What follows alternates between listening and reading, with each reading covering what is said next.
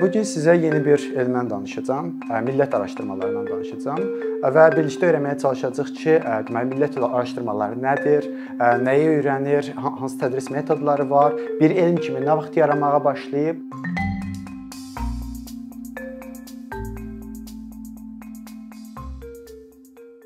Adından bəlli olduğu kimi millət araşdırmaları millətçilik və milli şuurun köklərini öyrənir. Deməli, ilk dəfə bir elm kimi millət araşdırmalarına maraq 1945-80-ci illərdə yaranmağa başlayıb qərb filosofları və qərb siyasətşünasları tərəfindən. Deməli, səbəb nə idi bu illərdə yaranmağının? Səbəb o idi ki, bu illər Afrikada və Asiya qitəsində dekolonizasiya dövrü hesab olunur. Yəni bu dövrdə bu qitələrdə koloniyalara qarşı mübarizə gedir gedirdi koloniyaçılara qarşı və yeni bir milli hərəkat başlamışdı. Öncə də qərb akademik dairələrinə maraqlı gəlir ki, bu milli şuur nə deməkdir? Daha sonra bu bu elmə maraq ikinci dəfə 90-larda artmağa başladı. Sizcə nəyə görə 90-larda?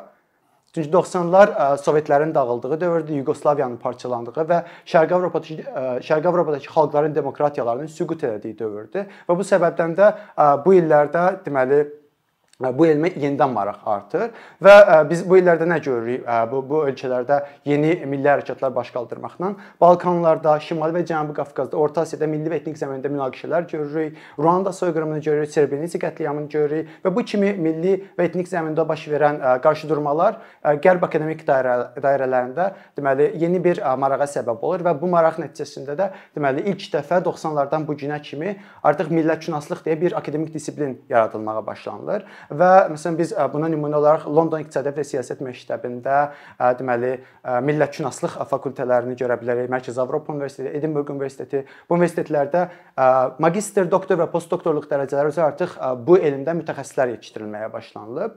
İndi isə istəyirəm millətşünaslığın nəzəri modellərini biraz təqdim eləyim. Görək 19-cu əsrdə millət fenomeninə, milli şüura hansı tərəflər verilirdi və 20-ci əsrdə bu tərəflər necə inkişaf eləməyə başladı. Məsələn 19-cu əsr deməli müəllif maarifçilərinə baxsaq, alman romantiklərinə və yaxud da fransız maarifçilərinə baxsaq, onda görürük ki, məsələn burada Johann Fichte var, sonra Ernest Renan var, Giuseppe Mazzini, sonra Johann Herder kimi müəlliflərin yazılarına baxsaq, onların yazılarında milli şuura primordialist bir yanaşma qoyulduğunu görürük. Primordialist nə deməkdir? Yəni milli şuura sanki genetik, naturalist və essensialist bir baxış qoyurlar. Məsələn, Johann Johann Fichtenin Alman Alman xalqına müraciət əsəri var. O əsərə baxsaq görərik ki, orada Alman olmağı saf saf qan, saf irqlə əlaqələndirir. Belə bir essensialist baxış qoyur milli şuura və bunun nəticəsində də biz nəyi görürük? Məsələn, Hitler özü Johann Fichtedən təsirlənmişdi və Hitlerin nəticəsində də biz Holokost soyqırımını görürük. Ona görə də bu kimi primordialist yanaşmalar özündə heç bir deməli rasional baxış əks etdirməyən yanaşmalar xətalı və müəyyən qədər təhlükəli hesab olunur 20-ci əsr akademiyasında.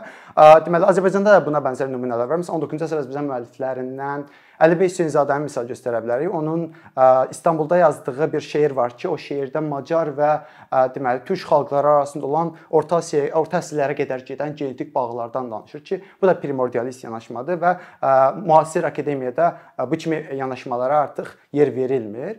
Daha bir məsələn nəzəri model var, perennializm var. Perennializm isə milli şüuru deməli perennializmə görə milli şuur, müasir dövrdə olan milli şuur əslində orta əsrlərdə də mövcud olub, antik dövrdə də mövcud olub. Yəni onlar belə perennialistlər belə düşünürdülər 20-ci əsrin əvvəllərində. Məsələn, bugünkü Azərbaycan orta məktəb tarix kitablarına və yaxud da universitetlərdə tədris olunan bir çox deməli dərsliklərə, tarix dərsliklərinə baxsaq, orada da perennialist baxış görərik. Məsələn, Azərbaycan milli şüurunun və yaxud da millətinin yaranmağını Səlcuqlar dövründən başladığını iddia eləyirlər. Halbuki bu da deməli xətalıdır və reallığı əks etdirmir.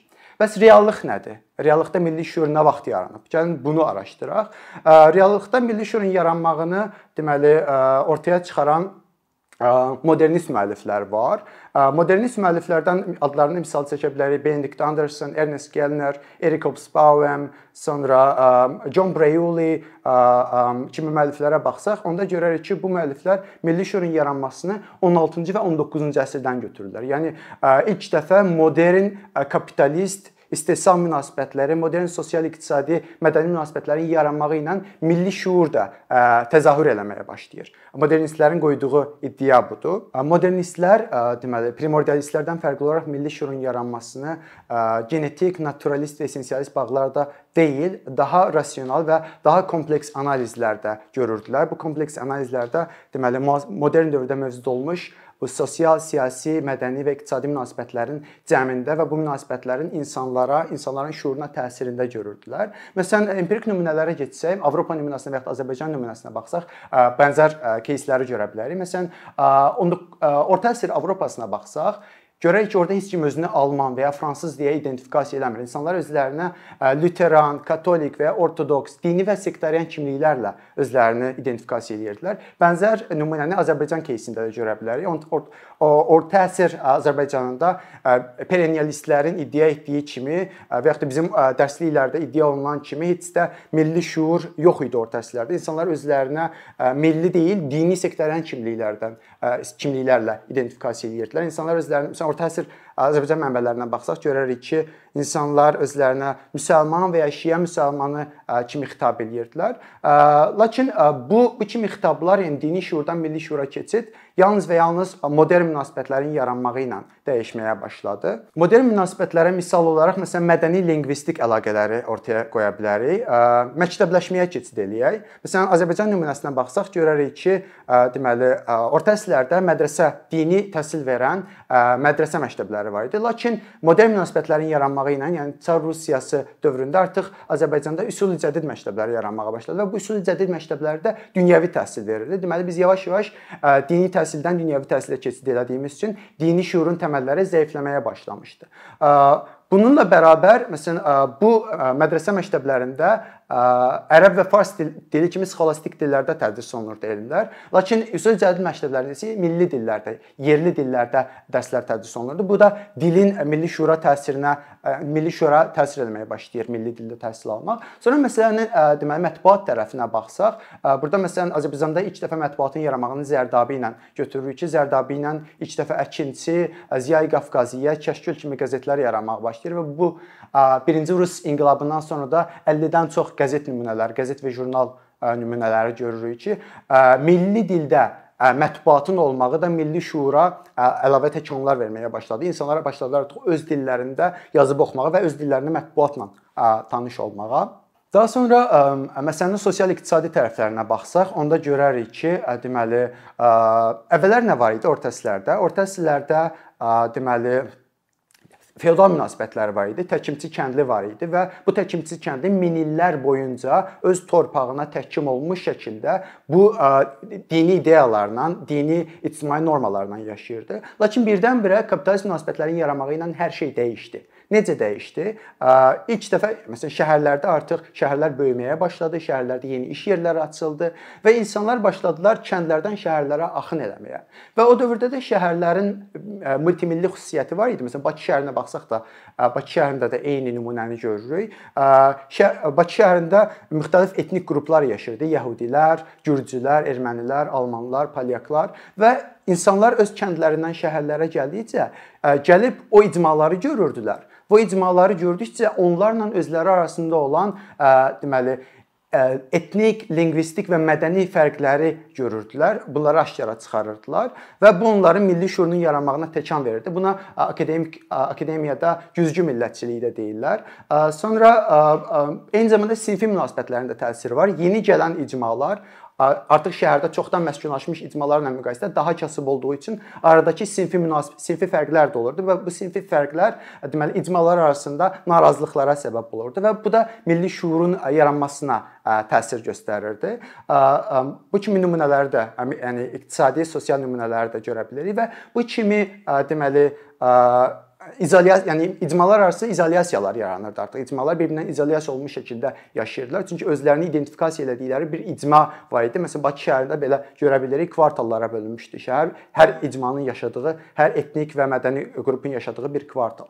Və e, bu dövrdə ilk dəfə e, etnik və milli zəmində münaqişələrin başladığı dövrdə hesab olunur. Məsələn, 1905 e, deməli toqquşmalarına baxsaq görərik ki, ermənilərlə Azərbaycanlılar arasında olan ilk toqquşma hesab olunur. Yəni bundan ölməzdən əvvəl bu icmalar arasında heç vaxt bir toqquşma olmayıb və bunun səbəbi də çox bəsitdir. Yəni milli şuurun yaranmasından irəli gəlir ki, insanlar artıq özlərinin fərq özlərini başqalarına nəzərən müqayisə eləyib fərqlərini görə bilirdilər və bu fərqlər onlar arasında narazılıqlara səbəb ola bilirdi. İstər iqtisadi narazılıqlar, istər siyasi narazılıqlar və s. və bu da onlar arasında toqquşmalara və yaxud da bu, bu kimi ə, fəsadlara gətirib çıxarırdı. Başqa nümunələr də verə bilərik. Çoxlu məsələn modernizmi modernistlər arasında çoxlu deməli ə, fərq belə fərqlər var. Məsələn, ə, ideoloji modernistlər də var. Məsələn, ideoloji tərəflərinə baxsaq, bəzi müəlliflər milli şuurun köklərini 17-ci əsrə qədər getdiyini, geriyə getdiyini düşünürlər və onlar milli şuurun köklərini Immanuel Kantın öz müqəddəratını təyin etmə doktrinasına gətirib çıxarırlar. Yəni bu Immanuel Kantın bu ideyalarından milli şuurun bu günə gəlib çıxdığını və bu günə təsir elədiyini iddia edirlər və biz də bunu görə bilirik. Məsələn, hal-hazırda Birləşmiş Millətlərin xartiyasında və yaxud da beynəlxalq hüququn əsas prinsiplərindən biri hesab olunur. Öz müqəddəratını təyin etmə anlayışı və bu da Immanuel Kantın doktrinasından başlayır. Nəticəmiz nədir? Nəticəmiz odur ki, deməli, milli şuurun köklərini millətşünaslıq elmi bizə onu çatdırmağa çalışır ki, milli şuurun kökləri heç də bizim düşündüyümüz qədər qədim deyil və milli şuurun kökləri əslində deməli material və ideoloji cərəyanların təsiri nəticəsində həm Azərbaycanda, həm də dünya, dünyanın bir çox nöqtəsində müasir dövrdə yaranmağa başlayıb və ondan əvvəl mövcud olmayıb. Deməli, material münasibətlər deyərkən məsələn burada kapitalizmi misal göstərə bilərik, çap mətbuatını misal göstərə bilərik və yaxud da ideoloji cərəyanlar deyərkən də burada məsələn Alman romantiklərini, fransız maarifçilərini misal göstərə bilərik və bunun nəticəsində milli şuur yaranmağa başlayır və deməli bu da onu göstərir ki, Azərbaycan tədris müəssisələrində əslində öyrədilən o nəzəri modellər də reallığı əks etdirmir və əslində milli şuurun kökləri orada iddia olunduğu qədər də qədim deyil. Bundan əlavə də düşünürəm ki, deməli bu bu elmin ə, müstəqil bir elm kimi tədris olmaq olması və yaxud da bu elmin nəzəri ə, modellərindən yerli universitetlərdə tətbiq olunması ə, Azərbaycanda sosial elmlərə töhfələr verəcək. Necə töhfələr töhfələr verəcək? Məsələn, ə, milli və etnik zəmində olan münaqişələrin köklərini, onların yaranma səbəblərini öyrənmək üçün bu kimi nəzəri modellərə ehtiyacımız var ki, ə, bu nəzəri modellər də yəni həmin o beyin mərkəzlərinin inkişaf etməsinə, həm Azərbaycanda inkişaf etməsinə etməsinə təsir eləyəcək. Xüsusilə yaşadığımız ölkədə bu kimi yəni etnik və milli zəmində münaqişələrin baş verdiyi üçün bu elmə sosial elmlərdə Azərbaycanda ehtiyac olduğunu düşünürəm. Və son olaraq da hani milli millətşünaslıq elmi təkcə mütəxəssis yetişdirmək məqsədi duymur. Eyni zamanda sadə insanlar da bu elmlə tanış olaraq əslində milli şuurun genetik və ya essensialist bağlarla əlaqəli olması deyil, onun deməli müasir dövrdə yaranan kapitalizm, yeni yaşayış normalarının yaranması, sonra müasir dövrdə yaranan deməli münasibətlər, sosial-iqtisadi, siyasi münasibətlərin təsiri nəticəsində milli şuurun yaranmasını insanlara rasional şəkildə izah etməyə kömək eləyir ki, yəni bir fərd olaraq biz də deməli milli şuurun bu kimi tərəflərini görərək məsələyə daha rasional baxış qoymağa bacaraq. Əkinçinin yeni videoları haqqında məlumatlı olmaq üçün kanalımıza abunə olmağı və xəbərdarlıq funksiyasını aktivləşdirməyi unutmayın. İmkandan istifadə edərək cari patronlarımıza işlərimizi davam etməyə yardım olduqları üçün dərin təşəkkürümüzü bildiririk. Əkinçinin Patreon icmasının üzvü olaraq siz bizim təşəbbüsə dəstək göstərməklə bərabər hazırladığımız materialları hər kəsdən öncə izləmə imkanı əldə edəcəksiniz.